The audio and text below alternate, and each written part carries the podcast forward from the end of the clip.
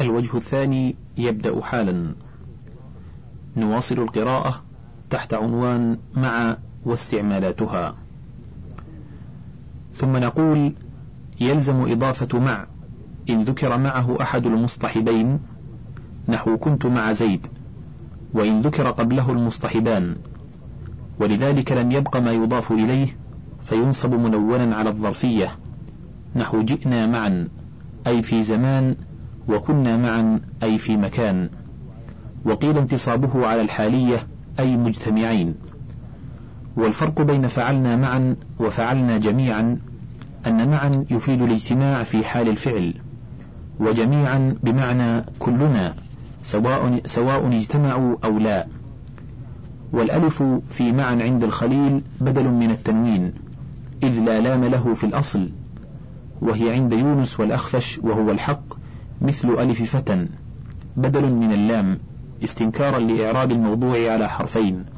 فمع عندهما عكس أخوك ترد لامها في غير الإضافة وتحذف في الإضافة لقيام المضاف إليه مقام لامها. عنوان الظروف المضافة إلى الجمل. قوله والظروف المضافة إلى الجمل وإذ يجوز بناؤها على الفتح وكذلك مثل وغير مع ما وأن قد مضى شرحه فيما تقدم. عنوان معنى المعرفة وحصر المعارف. قوله المعرفة والنكرة المعرفة ما وضع لشيء بعينه وهي المضمرات والأعلام والمبهمات وما عرف بالألف واللام أو بالنداء والمضاف إلى أحدها معنى. قوله بعينه احتراز عن النكرات ولا يريد به أن الواضع قصد في حال وضعه واحدا معينا إذ لو أراد ذلك لم يدخل في حده إلا الأعلام. إذ المضمرات والمبهمات وذو اللام والمضاف إلى أحدهما تصلح لكل معين قصد قصده المستعمل فالمعنى ما وضع ليستعمل في واحد بعينه سواء كان ذلك الواحد مقصود الواضع كما في الأعلام أو لا كما في غيرها. ولو قال ما وضع لاستعماله في شيء بعينه لكان أصرح. وإنما جعل ذا اللام موضوعا كالرجل والفرس وإن كان مركبا لما مر في حد الاسم أن المركبات أيضا موضوعة بالتأويل الذي ذكرنا هناك. أو جعل اللام من حيث عدم استقلاله وكونه كجزء الكلمة كأنه موضوع مع ما دخل عليه وضع الإفراد. ويدخل في هذا الحد العلم المنكر نحو رب سعاد وزينب لقيتهما لأنهما وضعا لشيء معين ويدخل فيه المضمر في نحو ربه رجلا ونعم رجلا وبئس رجلا والحق أنه منكر. ولا يعترض على هذا الحد بالضمير الراجع إلى نكرة مختصة قبل بحكم من الأحكام.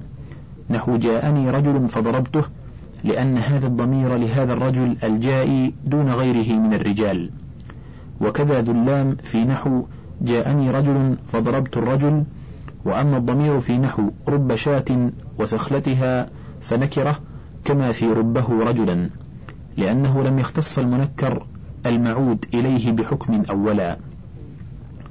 والأصلح في رسم المعرفة أن يقال ما أشير به إلى خارج مختص إشارة وضعية فيدخل فيه جميع الضمائر وإن عادت إلى النكرات والمعرف باللام العهدية وإن كان المعهود نكرة إذا كان المنكر المعهود إليه أو المعهود مخصوصا قبل بحكم لأنه أشير بهما إلى خارج مخصوص وإن كان منكرا. وأما إن لم يختص المعهود إليه بشيء قبل نحو أرجل قائم أبوه و فإنك لا تبالي بعد حول أظبي كان أمك أم حمار كما يجيء البحث فيه في باب كان ونحو ربه رجلا وبئس رجلا ونعم رجلا ويا لها قصة ورب رجل وأخيه فالضمائر كلها نكرات إذ لم يسبق اختصاص المعهود إليه بحكم. ولو قلت رب رجل كريم وأخيه لم يجز. وكذا كل شاة سوداء وسخلتها بدرهم لأن الضمير يصير معرفة برجوعه إلى نكرة مختصة بصفة. ويدخل فيه الأعلام حال اشتراكها. نحو محمد وعلي إذ يشار بكل واحد منها إلى مخصوص عند الوضع. ويخرج منه النكرات المعينة للمخاطب نحو قولك جاءني رجل تعرفه أو رجل هو أخوك لأن رجلا لم يوضع للإشارة إلى مختص بل اختص في هذا الاستعمال بصفته وكذا يخرج نحو لقيت رجلا إذا علم المخاطب ذلك الملقي إذ ليس فيه إشارة لا استعمال ولا وضع. فقولنا ما أشير به يشترك فيه جميع المعارف. ويختص اسم الإشارة بكون الإشارة فيه حسية كما مر في بابه. وإنما قلنا إلى خارج لأن كل اسم فهو موضوع للدلالة على ما سبق علم المخاطب بكون ذلك الاسم دالا عليه. ومن ثمة لا يحسن أن يخاطب بلسان من الألسنة إلا من سبقت معرفته لذلك اللسان. فعلى هذا كل كلمة إشارة إلى ما ثبت في ذهن المخاطب أن ذلك اللفظ موضوع له فلو لم نقل إلى خارج لدخل فيه جميع الأسماء معارفها ونكراتها. فتبين بما ذكرنا أن قول المصنف في نحو قولك اشرب الماء واشتري اللحم وقوله تعالى أن يأكله الذئب أن اللام إشارة إلى ما في ذهن المخاطب من ماهية الماء واللحم والماء والذئب ليس بشيء لأن هذه الفائدة يقوم بها نفس الاسم المجرد عن اللام. فالحق أن تعريف اللام في مثله لفظي كما أن العلمية في نحو أسامة لفظية كما يجيء في الأعلام. فنقول أولا إن التنوين في كل اسم متمكن غير علم يفيد التمكن والتنكير معا. ومعنى تنكير الشيء شياعه في أمته وكونه بعضا مجهولا من جملة. إلا في غير الموجب نحو ما جاءني رجل فإنه لاستغراق الجنس. فكل اسم دخله اللام لا يكون فيه علامة كونه بعضا من كل إذ تلك العلامة هي التنوين وهو لا يجامع اللام كما مر في أول الكتاب. فينظر في ذلك الاسم فإن لم يكن معه قرينة لا حالية ولا مقالية دالة على أن أنه بعض مجهول من كل كقرينة الشراء الدالة على أن المشتري بعض في قولك اشتري اللحم ولا دالة على أنه بعض معين كما في قوله تعالى أو أجد على النار هدى فهي اللام التي جيء بها للتعريف اللفظي والاسم المحلى بها لاستغراق الجنس سواء كان مع علامة الوحدة كالضربة أو مع علامة التثنية أو الجمع كالضربتين والعلماء أو تجرد عن جميع تلك العلامات كالضرب والماء. وإنما وجب حمله على الاستغراق لأنه إذا ثبت كون اللفظ دالا على ماهية خارجة فإما أن يكون لجميع أفرادها أو لبعضها ولا واسطة بينهما في الوجود الخارجي.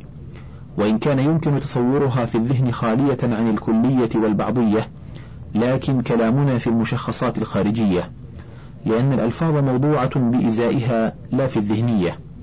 فإذا لم يكن للبعضية لعدم دلولها أي التنوين وجب كونه للكل. فعلى هذا قوله عليه السلام الماء طاهر أي كل الماء. والنوم حدث أي كل النوم. إذ ليست في الكلام قرينة البعضية لا مطلقة ولا معينة. فلهذا جاز وإن كان قليلا وصف المفرد بالجمع. نحو قولهم أهلك الناس الدينار الصفر والدرهم البيض. على ما حكى الأخفش. ولا تحرم إلا ملاجة وإلا ملاجتين مفيد للاستغراق الذي يفيده الاسم لو كان منكرا. نحو لا تحرم إملاجة ولا إملاجتان.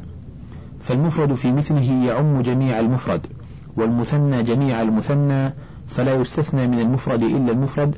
فقولك إن الرجل خير من المرأة إلا الزيدين أي إلا كل واحد منهما.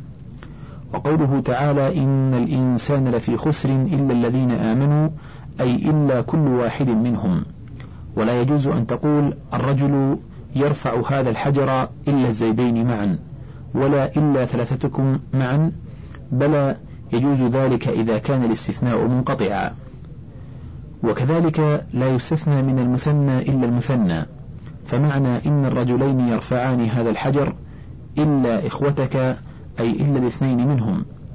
ولا يجوز الرجلان يرفعان هذا الحجر إلا إخوتك معا بل يجوز على الانقطاع. وأما الجمع فيصح استثناء الجمع والمثنى والواحد منه. نحو لقيت العلماء إلا الزيدين وإلا زيدا. وذلك لأن الجمع المحلى باللام في مثل هذا الموضع يستعمل بمعنى منكر مضاف إليه كل مفرد وغيره. فمعنى لقيت العلماء إلا زيدا أي كل عالم وكل عالمين وكل علماء. وهكذا حال المفرد والمثنى والمجموع في غير الموجب. قال النبي صلى الله عليه وسلم لا لا تحرم إلا ملاجه. أي كل واحد من هذا الجنس وكذا إلا ملاجتان أي كل اثنين اثنين من هذا الجنس. فلا يستثنى من الواحد إلا الواحد ولا من المثنى إلا المثنى. وأما الجمع نحو ما لقيت العلماء فهو بخلافهما بل هو بمنزلة منكر في سياق سياق غير موجب مفرد وغيره في استعمالهم أي ما لقيت واحدا من العلماء ولا الزيدين ولا اثنين ولا جماعة فيصح استثناء المفرد والمثنى والمجموع منه نحو ما لقيت العلماء إلا زيدا وإلا الزيدين وإلا الزيدين. فقوله تعالى لا تدركه الأبصار أي شيء من الأبصار كما توهمه بعضهم فحال الجمع في الموجب وغيره حال المثنى والمفرد. هذا هو المعلوم من استقراء كلامهم. وأما النكرة المستغرقة نحو ما لقيت رجلا أو رجلين أو رجالا فلا يستثنى من واحدها ومثناها ومجموعها إلا أمثالها. فقولك ما لقيت رجلا إلا الزيدين أي إلا كل واحد منهما. ولا يجوز أن تقول لا يرفع, يرفع هذا الحجر رجل إلا الزيدين معا. وتقول ما لقيت أخوين متصافيين إلا الزيدين وإلا بني فلان أي إلا اثنين منهم ولا يجوز إلا زيدا. وتقول ما لقيت رجالا إلا الزيدين ولا يجوز إلا أخويك ولا إلا زيدا إلا على الانقطاع. لأن المعنى ما لقيت جماعة من الرجال. وإن كان هناك قرينة دالة على أنه ليس المراد به الاستغراق فإن كان هناك عهد فاللام عهدية للتعريف على ما يجيء في بابه. وإن لم يكن فإن كان فيه علامة الوحدة أو التثنية. نحو ما أعطيك إلا التمرة أو التمرتين فلا فرق إذن بين المعرف والمنكر معنى فكأنك قلت ما أعطيك إلا تمرة أو تمرتين. وإن لم يكن فيه علامتاهما نحو اشتريت التمر ولقيت الرجال فالفرق بين ذي اللام والمجرد أن المجرد لأجل التنوين الذي فيه للتنكير. يفيد أن ذلك الاسم بعض من جملة. فمعنى اشتريت تمرا ولقيت رجالا شيئا من التمر وجماعة من الرجال. بخلاف المعرف باللام فإن المراد به الماهية مجردة عن البعضية لكن البعضية مستفادة من القرينة كالشراء واللقاء. فكأنك قلت لقيت هذا الجنس واشتريت هذا الجنس فهو كعام مخصوص بالقرينة. فالمجرد وذو اللام إذا بالنظر إلى القرينة بمعنى وبالنظر إلى أنفسهما مختلفان. فمن ثم جاز وصف المعرف باللام من هذا النوع بالمنكر نحو قوله ولقد أمر على اللئيم يسبني. وكذا مررت بالرجل مثلك وما يحسن بالرجل خير منك. كما مر في باب الوصف فعل هذا. فكل لام لام تعريف لا معنى للتعريف فيها إلا التي للمعهود الخارجي. قوله وهي المضمرات قد تقدم ذكرها ويعني بالمبهمات أسماء الإشارة والموصولات وقد تقدم ذكرها.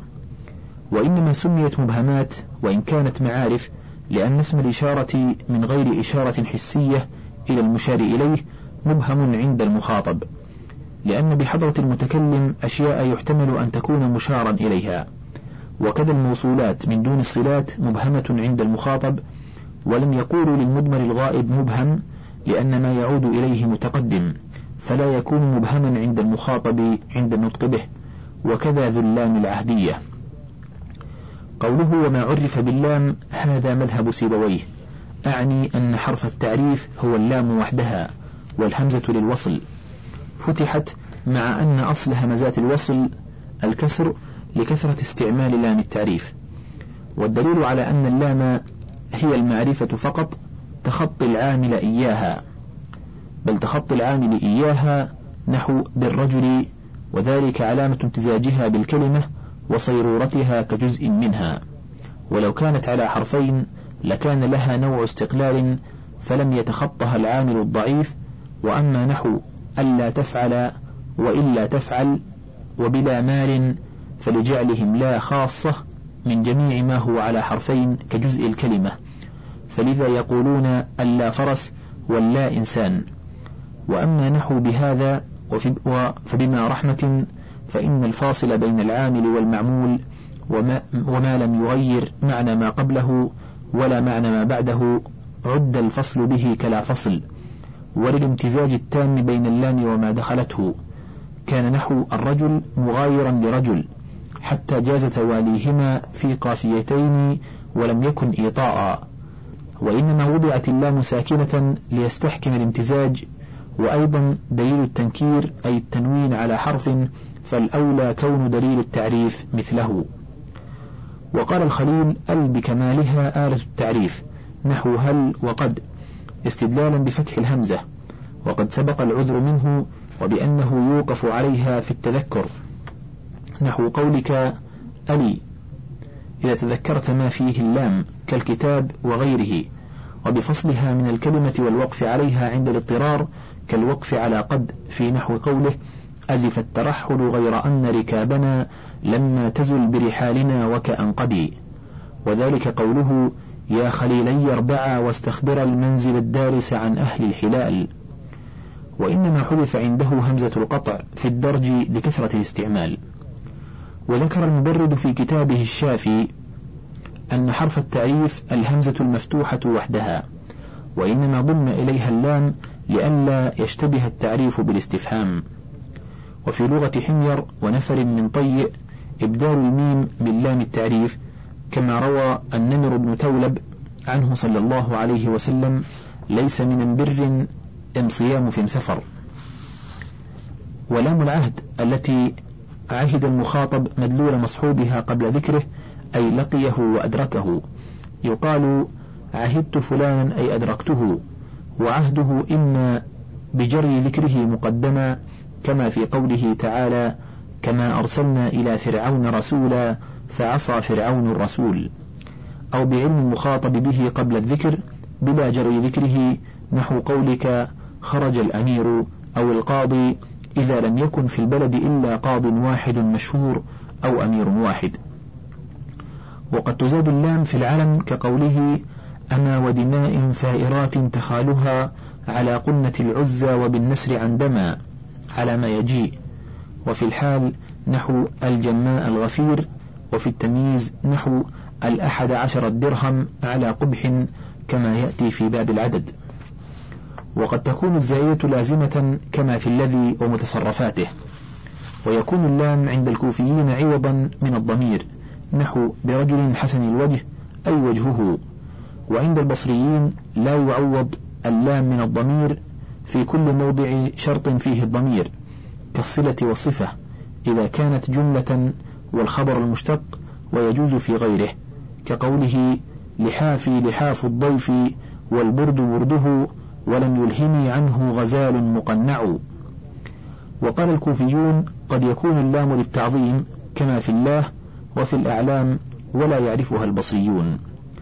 واللام في وصف اسم الإشارة ووصف المنادى نحو هذا الرجل ويا أيها الرجل لتعريف الحاضر بالإشارة إليه وهي في غير هذين الموضعين لتعريف الغائب نحو ضرب الرجل. ويعرض للام العهدية الغلبة كالصعق والبيت كما نذكر في الأعلام. قوله والنداء نحو يا رجل ومن لم يعده من النحويين في المعارف فلكونه فرع المضمرات. لأن تعرفه لوقوعه موقع كاف الخطاب كما مر في باب النداء. قوله والمضاف إلى أحدها معنى احتراز عن الإضافة اللفظية وإنما يتعرف بالإضافة المعنوية ما ليس من الأسماء المتوغلة في الإبهام كغير ومثل وشبه على ما مر في باب الإضافة. عنوان تفصيل الكلام على المعارف. قوله العلم ما وضع لشيء بعينه غير متناول غيره بوضع واحد. قوله غير متناول غيره يخرج سائر المعارف لتناولها بالوضع أي معين كان بخلاف العلم على ما تقدم. قوله بوضع واحد متعلق بمتناول أي لا يتناول غير ذلك المعين بالوضع الواحد. بل إن تناول كما في الأعلام المشتركة فإنما يتناوله بوضع آخر أي بتسمية أخرى لا بالتسمية الأولى. كما إذا سمي شخص بزيد ثم يسمى به شخص آخر. فإنه وإن كان متناولا بالوضع لمعنيين لكن تناوله المعين الثاني بوضع آخر غير الوضع الأول بخلاف سائر المعارف كما تبين. فإنما ذكر قوله بوضع واحد لئلا تخرج الأعلام المشتركة عن حد العلم. ولا يخرج علم الجنس نحو أسامة عن هذا الحد على ما ذكر المصنف. وذلك أنه قال أعلام الأجناس وضعت أعلاما للحقائق الذهنية المتعقلة كما أشير باللام في نحو اشتري اللحم إلى الحقيقة الذهنية. فكل واحد من هذه الأعلام موضوع لحقيقة في الذهن متحدة. فهو إذا غير متناول غيرها وضعا. وإذا أطلق على فرد من الأفراد الخارجية نحو هذا أسامة مقبلا فليس ذلك بالوضع بل لمطابقة الحقيقة الذهنية لكل فرد خارجي مطابقة كل كلي عقلي لجزئياته الخارجة. نحو قولهم الإنسان حيوان ناطق. فلفظ أسد مثلا موضوع حقيقة لكل فرد من أفراد الجنس في الخارج على وجه التشريك. وأسامة موضوع للحقيقة الذهنية حقيقة. فإطلاقه على الخارجي ليس بطريق الحقيقة ولم يصرح المصنف بكونه مجازا ولا بد من كونه مجازا في الفرد الخارجي. إذ ليس موضوعا له على ما اختار. وقال إن الحقيقة الذهنية والفرد الخارجي لمطابقتها له كالمتواطئين. قال الأندلسي فلا تقول في أسد معين في الخارج أسامة كما تقول الأسد. لأن المطابق للحقيقة الذهنية في الخارج ليس إلا شيئا من هذا الجنس مطلقا لا واحدا معينا محصور الأوصاف المعرفة. وكذا ينبغي عنده ألا يقع أسامة على الجنس المستغرق خارجا. فلا يقال إن أسامة كذا إلا الأسد الفلاني لأن الحقيقة الذهنية ليس فيها معنى الاستغراق كما أنه ليس فيها التعيين.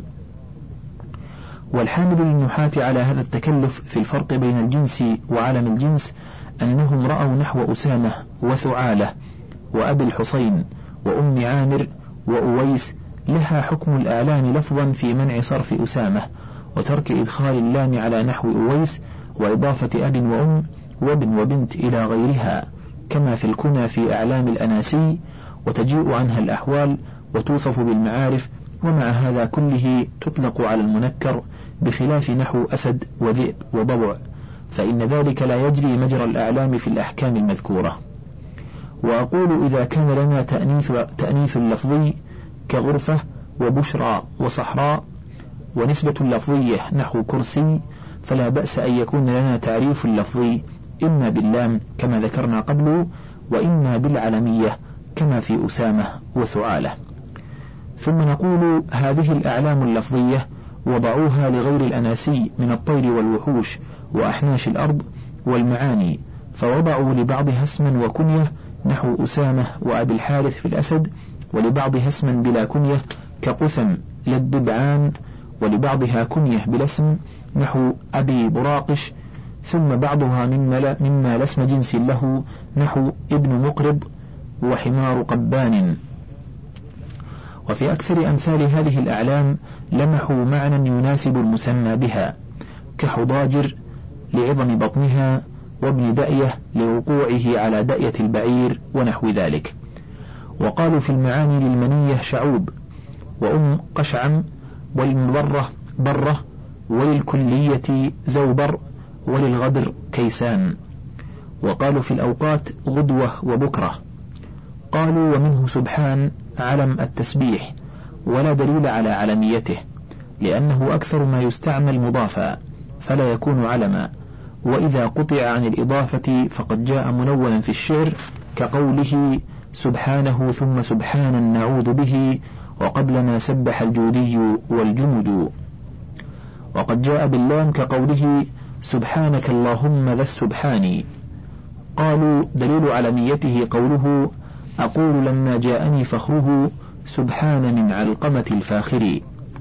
ولا منع من أن يقال حدث المضاف إليه وهو مراد للعلم به فأبقي على حاله مراعاة لأغلب أحواله أعني التجرد عن التنوين كقوله خالط من سلمى خياشيم وفاء وأما أولى لك فهو علم للوعيد فأولى مبتدأ ولك خبره والدليل على أنه ليس بأفعل تفضيل ولا أفعل فعلاء وأنه علم ما حكى أبو زيد من قولهم أولات الآن وهاه الآن إذا أوعدوا.